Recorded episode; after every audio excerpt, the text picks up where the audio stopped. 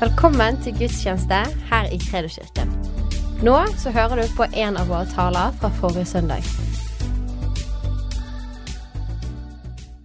Det som jeg kommer til å dele og si i dag For deg som kanskje du er her og du ennå ikke har liksom, tatt et personlig valg om å følge Jesus. Du er søkende, du er undrende, du kanskje følger med på skjermen der hjemme og lurer på hva er dette for noen ting.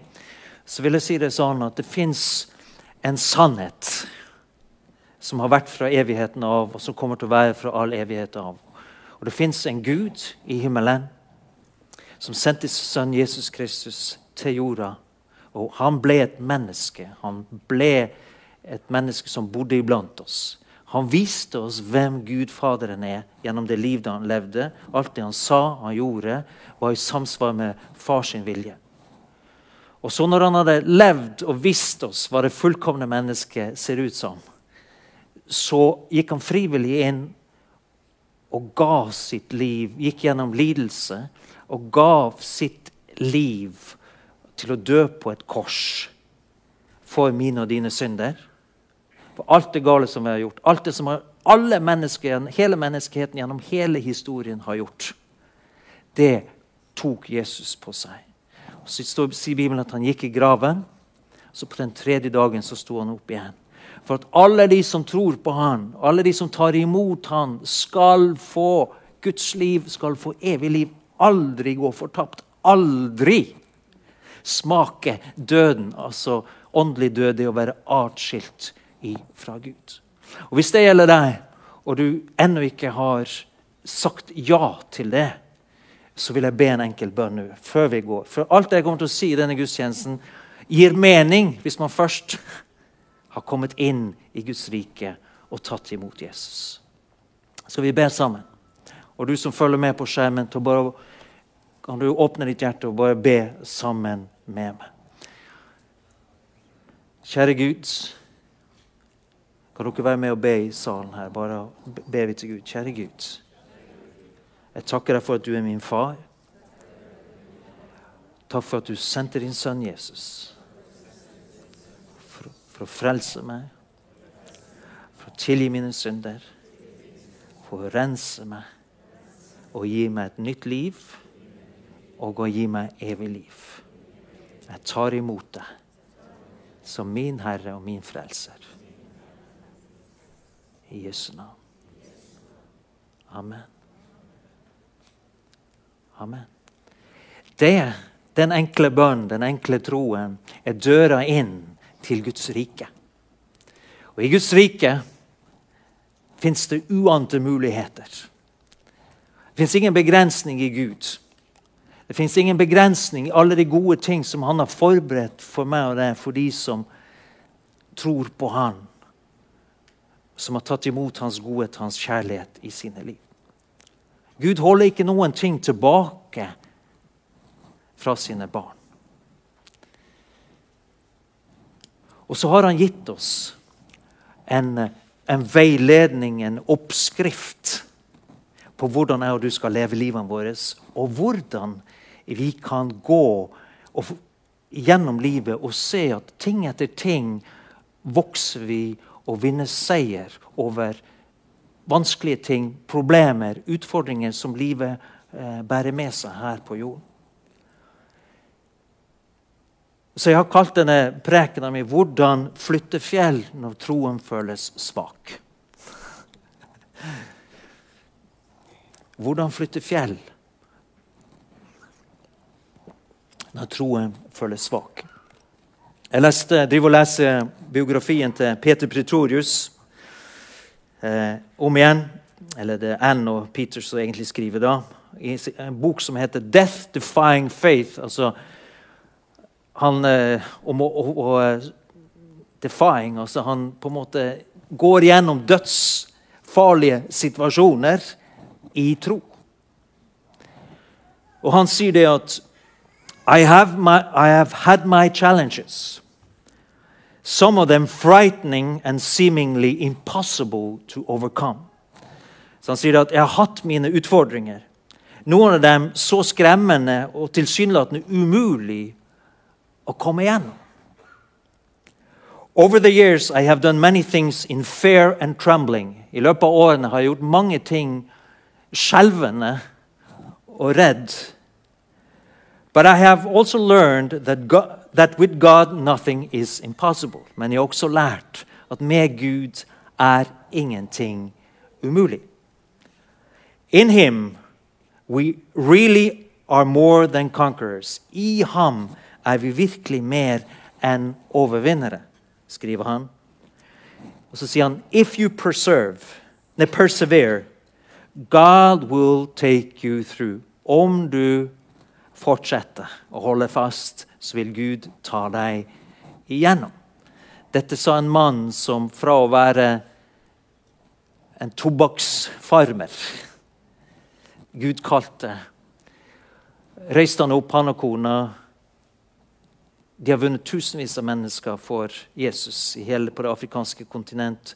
Så la Gud en, et kall på dem til å gi mat til barnas, de fattige barna i Afrika. Og eh, jeg vet ikke hvordan det er i dag, men eh, over én million barn hver eneste dag har fått et næringsrikt måltid pga.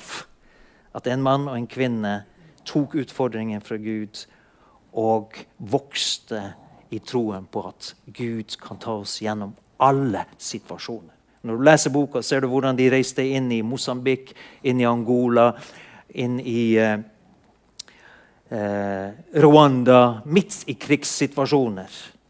Med mat og med nødhjelp til mennesker som hadde dødd hvis ikke de og deres medarbeidere hadde kommet. Utrolig spennende og utfordrende historie. Hun, Anne Pretorius kommer jo hit den 12 juni, så da kan du glede deg til det. Og jeg tror at vi alle sammen Nå er det en stor greie å reise inn i et krigsområde på vegne av Gud og Guds rike og bringe mat. Det er ikke det samme som at alle er kalt til det, men alle har vi, vi våre krigsområder hvor det er strid. Hvor vi kjenner at det bryter på, hvor vi kjenner at vi må, vi må kjempe på en måte for å holde Frykten i sjakk, om du vil, eller uroen for hva som skal skje, uroen for framtiden, uroen for familien, for barn, for, for, venner. Alle har vi kamper. Uroen for vår egen del. Det er det ingen av oss som unngår å møte. Og så kan vi merke noen ganger at Jo, jeg vet at Gud kan. Jeg vet at på en måte at Gud vil, men jeg, allikevel så kan det føles som inni vårt indre at jeg vet ikke, jeg, akkurat så jeg ikke har helt sikker tro på at, dette, at Gud er med meg. Man vet det med hodet, men det er akkurat som hjertet ikke er helt med. Er det noen som har opplevd det noen gang? Det er i hvert fall jeg har opplevd.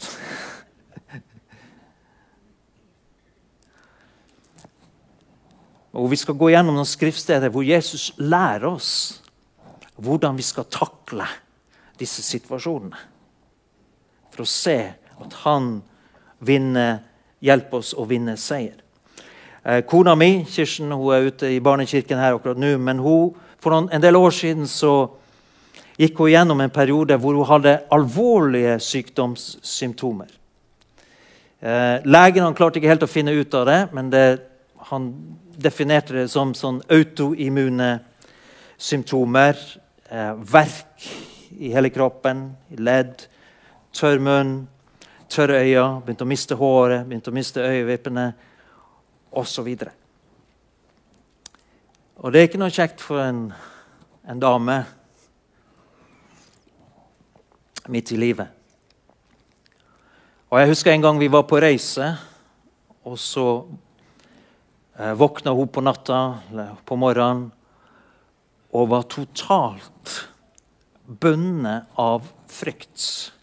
I dag så vet jeg hva det var. En type panikkangst som kom over henne. Eh, hva skal skje? Skal jeg dø? Hva skjer med familien? Hva skjer med barna? Og så videre. Og tenk mens hun hadde ligget helt låst, paralysert i senga på natta. Jeg hadde ligget og sovet ved siden av henne. Hadde ikke engang kommet på tanken om å vekke meg. Så bundet og så låst var hun i den situasjonen. Men heldigvis så hadde vi vært gjennom noen tøffe runder før, og vi hadde lært noen ting om hvordan Gud virker, og hvordan Hans ord virker. Så når vi kjørte hjem til Bergen den gangen, så husker jeg vi begynte vi, vi snakka sammen. Hva er situasjonen? Hva er realiteten? Hva er det du møter? Og så begynte vi å snakke om hvordan, hvordan er veien ut? Hvordan skal vi komme gjennom dette her? Og så måtte vi minne oss på hvordan Gud hadde berga oss i andre situasjoner i livet. Og så tenkte vi yes, vi må følge oppskriften. vi må se hva Bibelen har å si.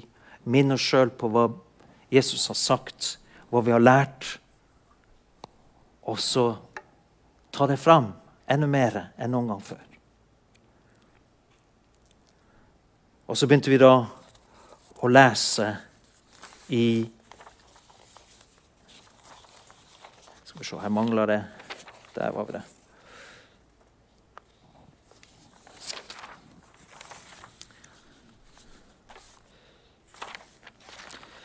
Matteus 17, vers 14-21. En historie som Jesus fortalte til som forfatteren skriver Matteus han var jo en av disiplene til Jesus. Han var til stede, og han opplevde dette her. De hadde vært oppe på det som vi kaller for Forklarelsesberget. Jesus hadde åpenbart seg for tre av disiplene. De kom ned til folkemengden. kom en mann bort til Jesus, falt på kne for ham og sa, 'Herre, ha barmhjertighet med sønnen min.' Han er månesyk og lider forferdelig. Ofte faller han inn i ilden, og ofte i vannet. Jeg vet ikke om noen gang noen av dere har opplevd det. Opplever som du er i ild og du faller i vannet. Eh, jeg tok ham med til disiplene dine, men de var ikke i stand til å helbrede ham. Har du opplevd det? At du har gått til for noen ting, og det tilsynelatende skjedde ingenting? De som ba for deg, var ikke i stand til å hjelpe deg. Eller kanskje du sjøl har opplevd at du har bedt for noen, men du kjente det at var, det var liksom Ja, du var ikke i stand til å hjelpe dem. Noen har opplevd det før. Disiplene opplevde det nettet. Jesus svarte du vantro og vrange slekt, hvor lenge skal jeg være hos dere? Hvor lenge skal jeg holde ut med dere? Kom hit med gutten. Og det er klart at her, i all verden, hvordan er det Jesus svarer? Hadde du blitt fornærma da? Hvis du, tenk hvis du hadde vært der og du sa 'Jesus, jeg har prøvd, Å, jeg har bedt og jeg har bedt og jeg har bedt'. Det ser ikke ut som det skjer noen ting. Hvor er du, Jesus? Hører du ikke når jeg ber, Jesus? Hæ? Og så får du svar hos Jesus. 'Du vantro slekt'. Har du blitt fornærma? Har du blitt støtt? Jeg tror vi alle sammen hadde skvottet litt. Hæ? Nei, Jesus, det går ikke an å svare på den måten her. Det er jo uhøflig! Men han gjør det likevel. Og så sier han, 'Bring gutten hit'. Og så står det at Jesus talte myndig til ham. Den onde ånden for ut, og gutten ble frisk i samme stund. Da disiplene ble alene med Jesus, spurte de ham hvorfor kunne ikke vi drive den ut. Og Så svarer han rett og slett fordi dere hadde så lite tro. Svarte han. Sannelig, jeg sier dere, om dere har tro som et sennepsfrø, kan dere si til dette fjellet, flytt deg herfra og dit, og det skal flytte seg, og ingenting skal være umulig for dere. Og så sier han, men dette slaget drives bare ut ved bønn og faste. Men hvis du leser og ikke blir fornærma og støtt av Jesus, men heller tar det til deg OK, facts on the table. Troen min er ganske liten og svak.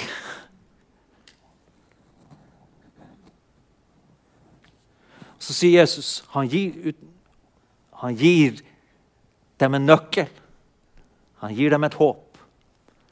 Og så sier han hvis dere har tro som et sennepsfrø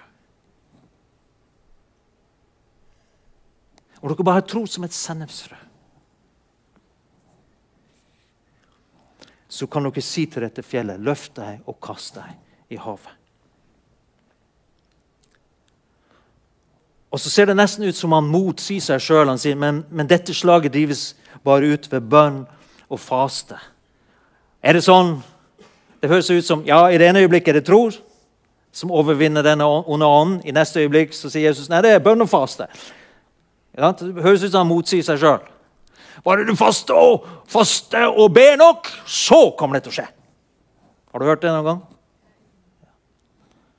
Men jeg tror vi skal, hvis vi finner flere undervisningssteder av Jesus, så begynner vi det å demre for oss. Hva er bønn og faste? Er det for Guds del? Er Gud sein å høre? Nei, Jeg tror han prøver å si oss noen ting. Når troen er svak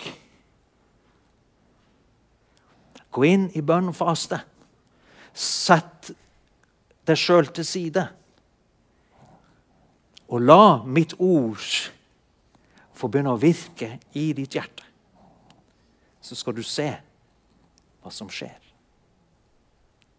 Du vet, I jødisk tenkning så er en del av bønn det er også det å lese Guds ord og tale Guds ord og dele Guds ord. Jeg lurer på om det ikke er det Jesus prøver å si til oss.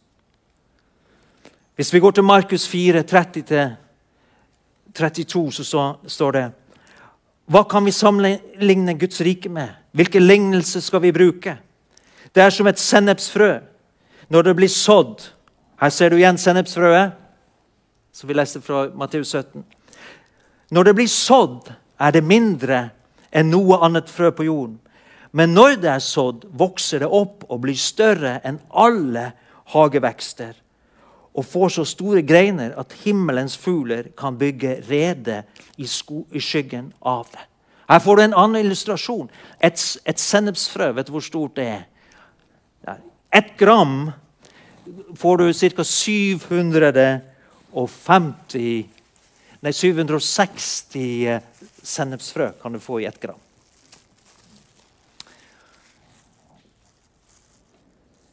Så lite er det.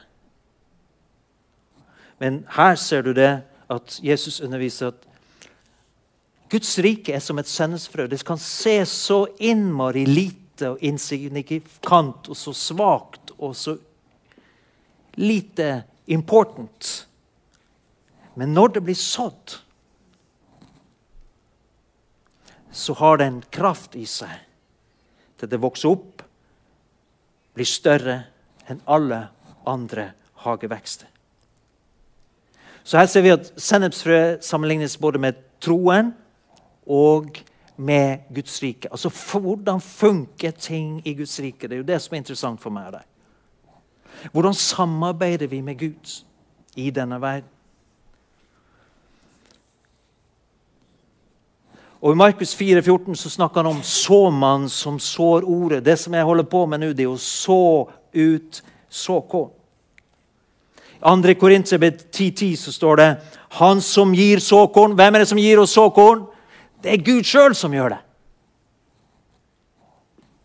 Til den som skal så. Han gir oss sitt ord for at vi skal så, og brød til å spise. Han skal også gi dere såkorn og la det bære rikelig og la deres rettferdighet bære rik frukt. Han gir oss såkornet. Han gir oss brød som vi trenger å spise for å leve. Han gir, oss, han gir det såkornet den kraften i seg til å bære rikelig frukt. Altså, hvor kommer vår del inn i dette her hvis Gud gjør alt? Hva kan vi gjøre til og fra? Et godt spørsmål. Takk for du spurte det.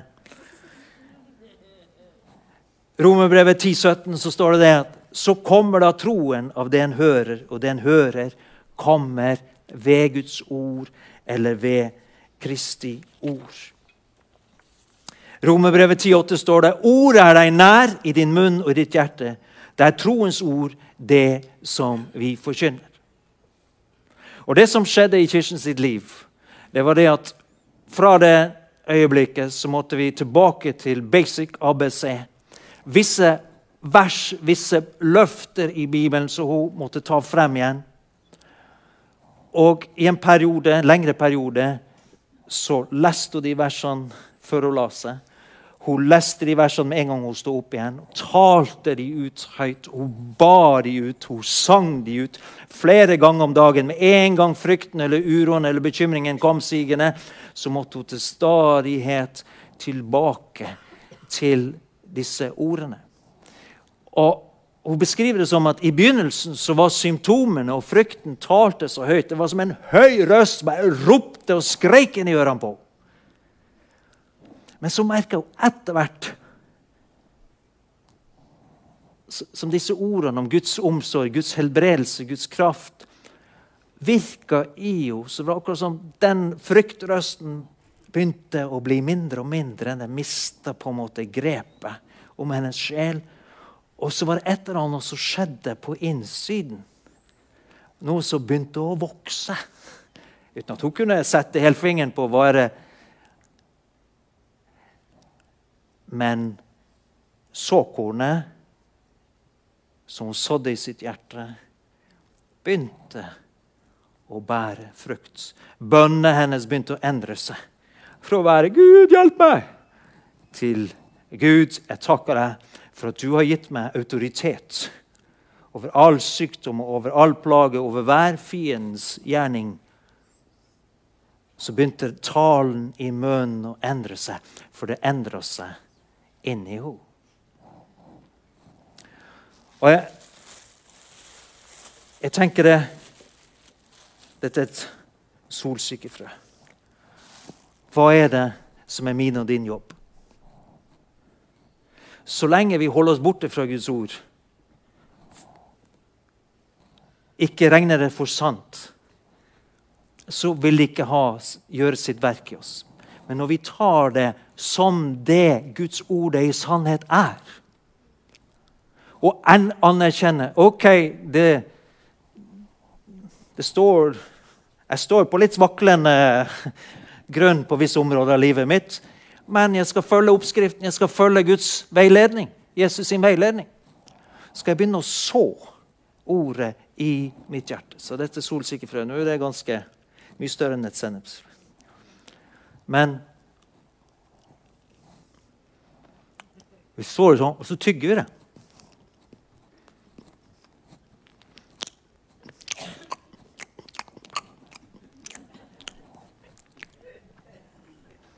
Vet du, Det er det som står i Bibelen. Hvis du går til, hvis du går til 1. Tim 4, 14-15, så er det et ord som brukes her på, på gresk. Altså vanskjøttige den nådegaven som i deg, den som ble gitt ved profeti, ved håndspåleggelse av de eldste. Du skal grunne på disse ting og leve i dem, så din fremgang kan bli åpenbar for alle. Du skal grunne på disse ting. Det, står, det betyr at du skal tenke på det. Du skal visualisere det. Du skal se det for ditt indre. Meletao på gresk. Du skal tale dette ordet til deg sjøl, kan det også bety. Du skal grunne på det profetordet Timoteus, som Herren har gitt deg. Det, det levende Guds ord som Gud ga deg. Tenk på det. Be over det. Grunn på det. Så skal du se at du gjør framgang, sa Paulus. Dette ordet såkornet virker i mitt, ditt hjerte. Og Det står om bonden tidligere i kapittel 4 i Markus evangeliet. At han sår ordet, så går det natt og det går dag. Og hvordan det vokser, det vet han ikke. Men det er sånn Guds rike fungerer. Og så vokter jeg og du den jorda. Det står det også om i første del av Markus 4. Jordsmonnet er mitt og ditt hjerte, vårt indre menneske. Hva som kommer inn gjennom sansene våre, har jeg og du kontroll over. Vi kan stenge ute ting. Vi kan nekte å ta imot tanker av vantro, av negativitet. Og vi kan velge å følge oss med Guds ord og si takk, Gud, for at ditt ord er sant. Selv om fakta er at akkurat nå er det tilstand sånn som dette her, så takker jeg for at ditt ord har sagt at stor skal freden bli for mine barn. Og Derfor så holder jeg fast ved det, og så er det det jeg forkynner til meg sjøl. Det er det som jeg forkynner til alle rundt meg. Og så gir vi næring til dette såkornet sådd. Fram med gulrøttene, folkens. Tygge på Guds ord. Her er det vitaminer. Få i deg mineraler. Kom igjen. Voks, voks, voks. Så må du veksle litt mellom gulrøtter og selleri.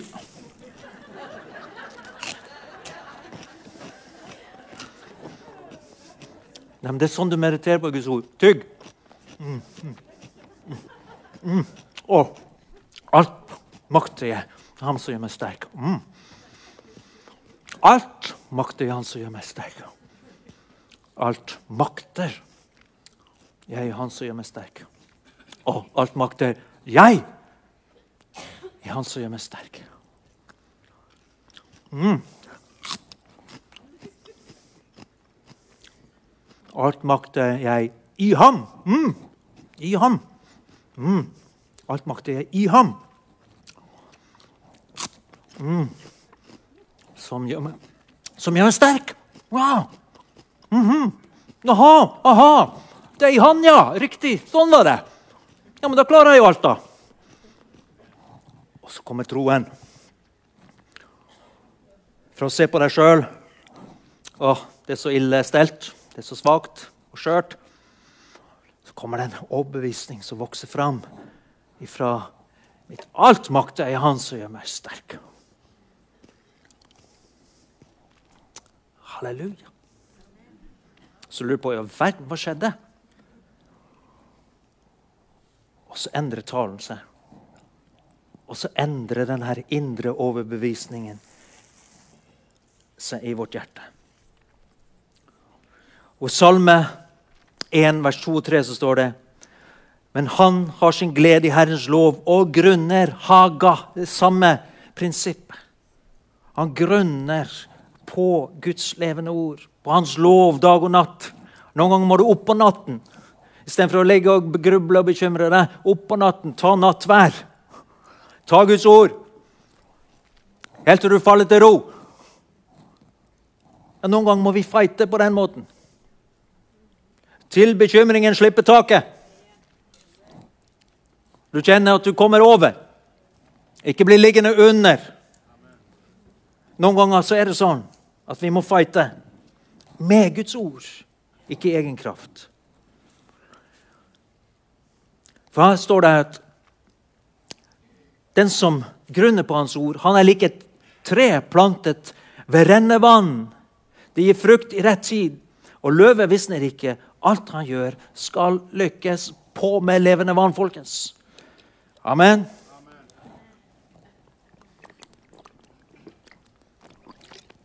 Såkornet med vann.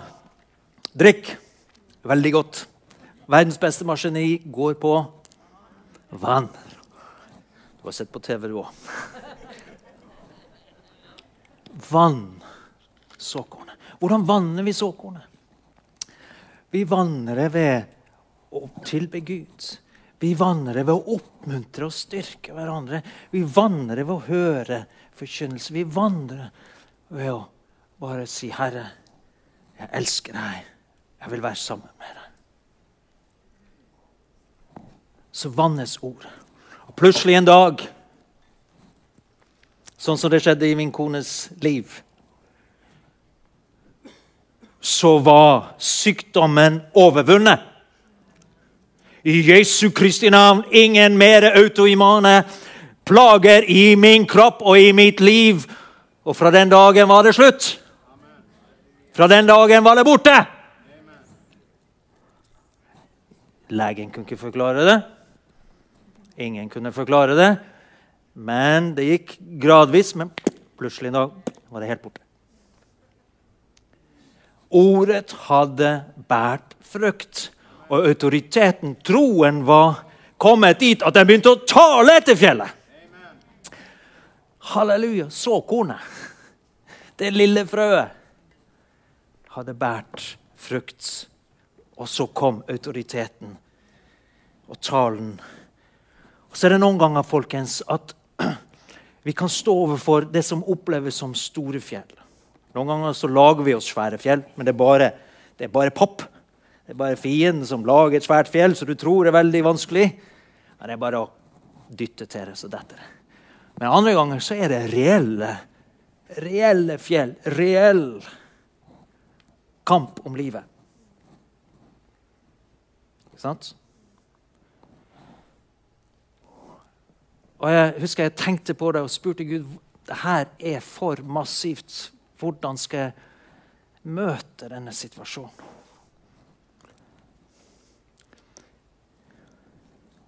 Og Jeg liksom prøvde å tale til denne fjellet.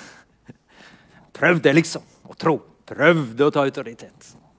Fun føltes ikke så det funka helt. Men så var det akkurat som Den hellige ånd viste meg at du, eh, skal vi gjøre det på en litt annen måte? Dette, dette fjellet det skal flytte seg. Men hva om vi tar det bit for bit? Hæ? Hva om vi knuser dette fjellet bit for bit? Det var akkurat så det ble en sånn åpenbaring for meg. Yes, det står jo ikke hvor lenge jeg skal tale til det fjellet. her. Det står det ingenting om. Det står bare at jeg skal snakke til deg. Det er, Gud, det er ikke Gud som snakker til deg for meg. Nei, jeg. Han skal gjøre det gjennom meg.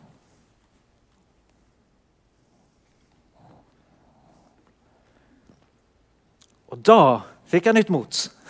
Så, yes! Vi tar det bit for bit.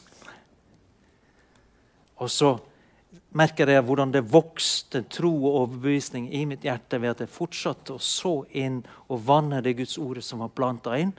Og så kunne jeg ved Guds nåde ta autoritet, få tro for deler av fjellet. Og så begynte det å smuldre. At dette Og en dag så var ikke dette en uovervinnelig fiende lenger.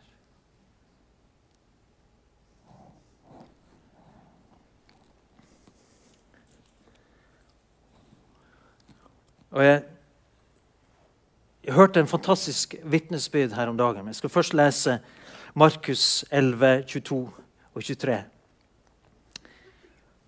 Ha tro til Gud, for sannelig jeg sier dere, den som sier til dette fjellet, løft deg og kast deg i havet, og ikke tviler i sitt hjerte, men tror at det han sier, skal skje.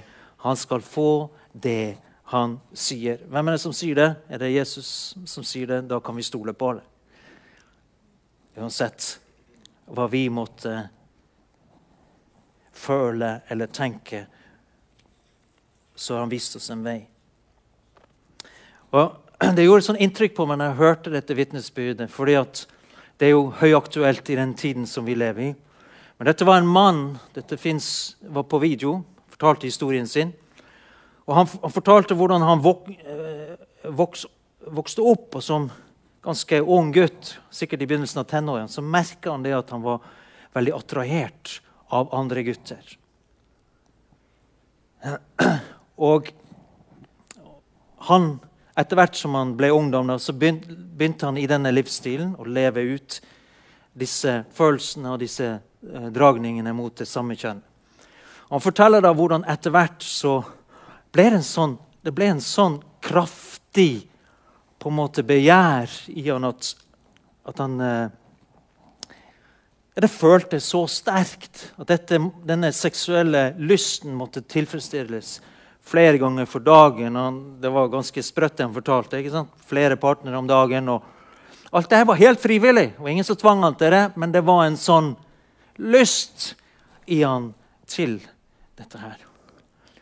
Men så forteller han da etter ca. 30 år så var han kommet, Etter en sånn livsstil i 30 år så var han kommet til et punkt hvor han kjente seg så tom og så på en måte skitten, uten at han helt kunne forklare hvorfor, at han begynte å stille en del spørsmål. Og Da var det en venn av han som sa det at kanskje vil du være med på en gudstjeneste. Kom og høre på pastoren min. Han eh, han preker en sånn budskap som kanskje du kan høre. Så svarte han til han vennen sin at ja, men jeg føler meg så skitten. Jeg kan ikke gå i ei kirke. Jeg har ingenting der å gjøre. Ja, men så sa vennen bare kom, for han er pastoren min. Han sier det at Kristus har frigjort, frigjort deg. At du er rettferdig i Kristus. Jeg syns han hørtes veldig merkelig ut. Men han tenkte hvis det fins en pastor som sier noe sånt, så uh, skal nå gå og høre på han. Og det som skjedde da var jo at når han kom og fikk høre forkynnelsen av evangeliet, så tok han imot budskapet, tok imot Jesus der og da, og ble en kristen gjenfødt. Men så beskriver han da en toårsperiode etter dette. Hvordan han stadig falt tilbake igjen til det gamle livsmønsteret sitt. Og hvordan eh, han kjente seg både fordømt og ulykkelig over at nå var han jo blitt en ny skapning, men fremdeles så, så falt han i de gamle syndene ganske så ofte. Men så hadde han lært noen ting av pastoren sin. Og det er at Fortsett å søke Gud. Fortsett å ta til deg av Guds ord. Gud elsker deg. Han skal hjelpe deg, han skal gi deg en vei ut. Ikke trekk deg unna fordi at du ikke har kontroll eller overvunnet dette her ennå. Men søk Gud av hele ditt hjerte, og Gud skal hjelpe deg. Han forteller hvordan han virkelig Han bare tok et valg. Jeg jeg skal følge Gud og Guds ord. Jeg skal søke Han for å finne svar for mitt liv. Samtidig som han beskriver denne opplevelsen å stadig få tilbakefall. Stadig være inne på nettet. Stadig havne ute i feil situasjon, feil relasjon osv. Men én ting hadde han skjønt. Jeg må ikke gi opp. Jeg vil ikke dette lenger. Og etter to år i en sånn type dragkamp så sier han det så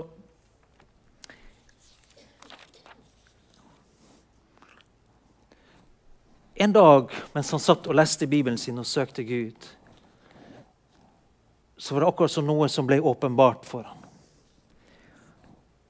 I Jakob kapittel 3, vers 3-4 så står det at vi legger jo bissel i munnen på en hest for at den skal lystre oss.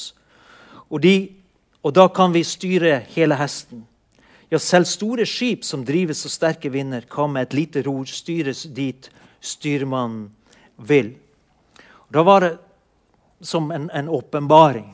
Gud viste han noen ganger så er det sånn at det er som en, et bissel. Du bare drar i det. Hesten snur umiddelbart. Det skjer umiddelbart. Mens andre ganger så kan, kan det oppleves som et stort skip, skip som må endre kurs. Og når du skal styre et stort skip, så tar det litt tid å snu kursen. Det er et lite ror. Bibelen forklarer jo at dette roret er vår munn. ikke sant? Men han, da skjønte han det at jeg er et stort skip som har levd så lenge på en bestemt måte at det tar tid å endre kurs. Men da fikk han Da, da var troen etablert i hans liv. Han visste at han hadde fått autoritet. Og så viste Gud han det at den dragningen, den seksuelle dragningen som du kjenner på, den er i ditt kjøtt. I den falne natur. Men du er nå en ny skapning i Kristus Jesus. Det er din identitet. Det er den du er. Så hvis du lever et liv i ånden, så skylder du ikke kjødet noen ting. At du lenge skal følge det. Det var som polletten datt ned. Lyset gikk opp. Og så skjønte jeg Nei, men i all verden. Jeg er jo nyskapning. Jeg kan jo leve i ånden. Fra den dagen var han fri. Sånn kan det være på masse områder. Narkotika, alkohol, skjulte synder som vi mennesker kan slite med. Negativitet, baksnakkelse. Ting som har festa seg Vet du hva? Gud vil hjelpe oss ut av alt som binder, alt som gjør oss til slaver. Tror du på det? Det sto jo det vitterlig at ingenting skal være umulig. Ingenting er umulig for Gud og for den som tror på ham. Halleluja. Skal vi be sammen?